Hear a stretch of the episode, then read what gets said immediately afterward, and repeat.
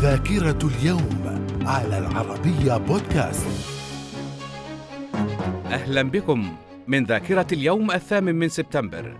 في عام 1760 الجنرال الإنجليزي جيفري أمهرست يتمكن من إلحاق هزيمة عسكرية بالقوات الفرنسية في كندا مما أجبر فرنسا على التنازل عن مدينة مونتريال أهم مدن كندا لصالح المملكة المتحدة. من الذاكرة. في عام 1937 سوريا تستضيف مؤتمرا عربيا لمناقشة قضية فلسطين في ظل تزايد الهجرة اليهودية إليها برعاية المملكة المتحدة التي كانت حصلت على حق الانتداب على فلسطين في عام 1941 بداية الحصار النازي لمدينة لينينغراد السوفيتية وذلك في الحرب العالمية الثانية.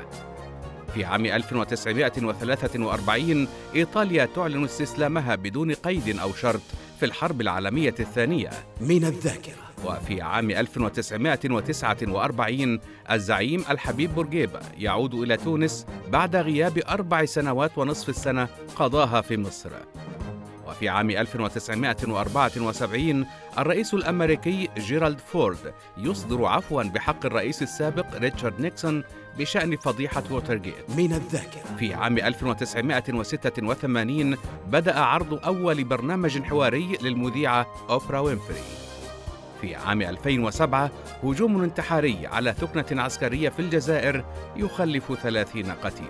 من الذاكرة. من وفيات اليوم الثامن من سبتمبر في عام 1933 الملك فيصل الأول ملك المملكة العراقية. في عام 2012 سامي إحسان ملحن سعودي. إلى اللقاء.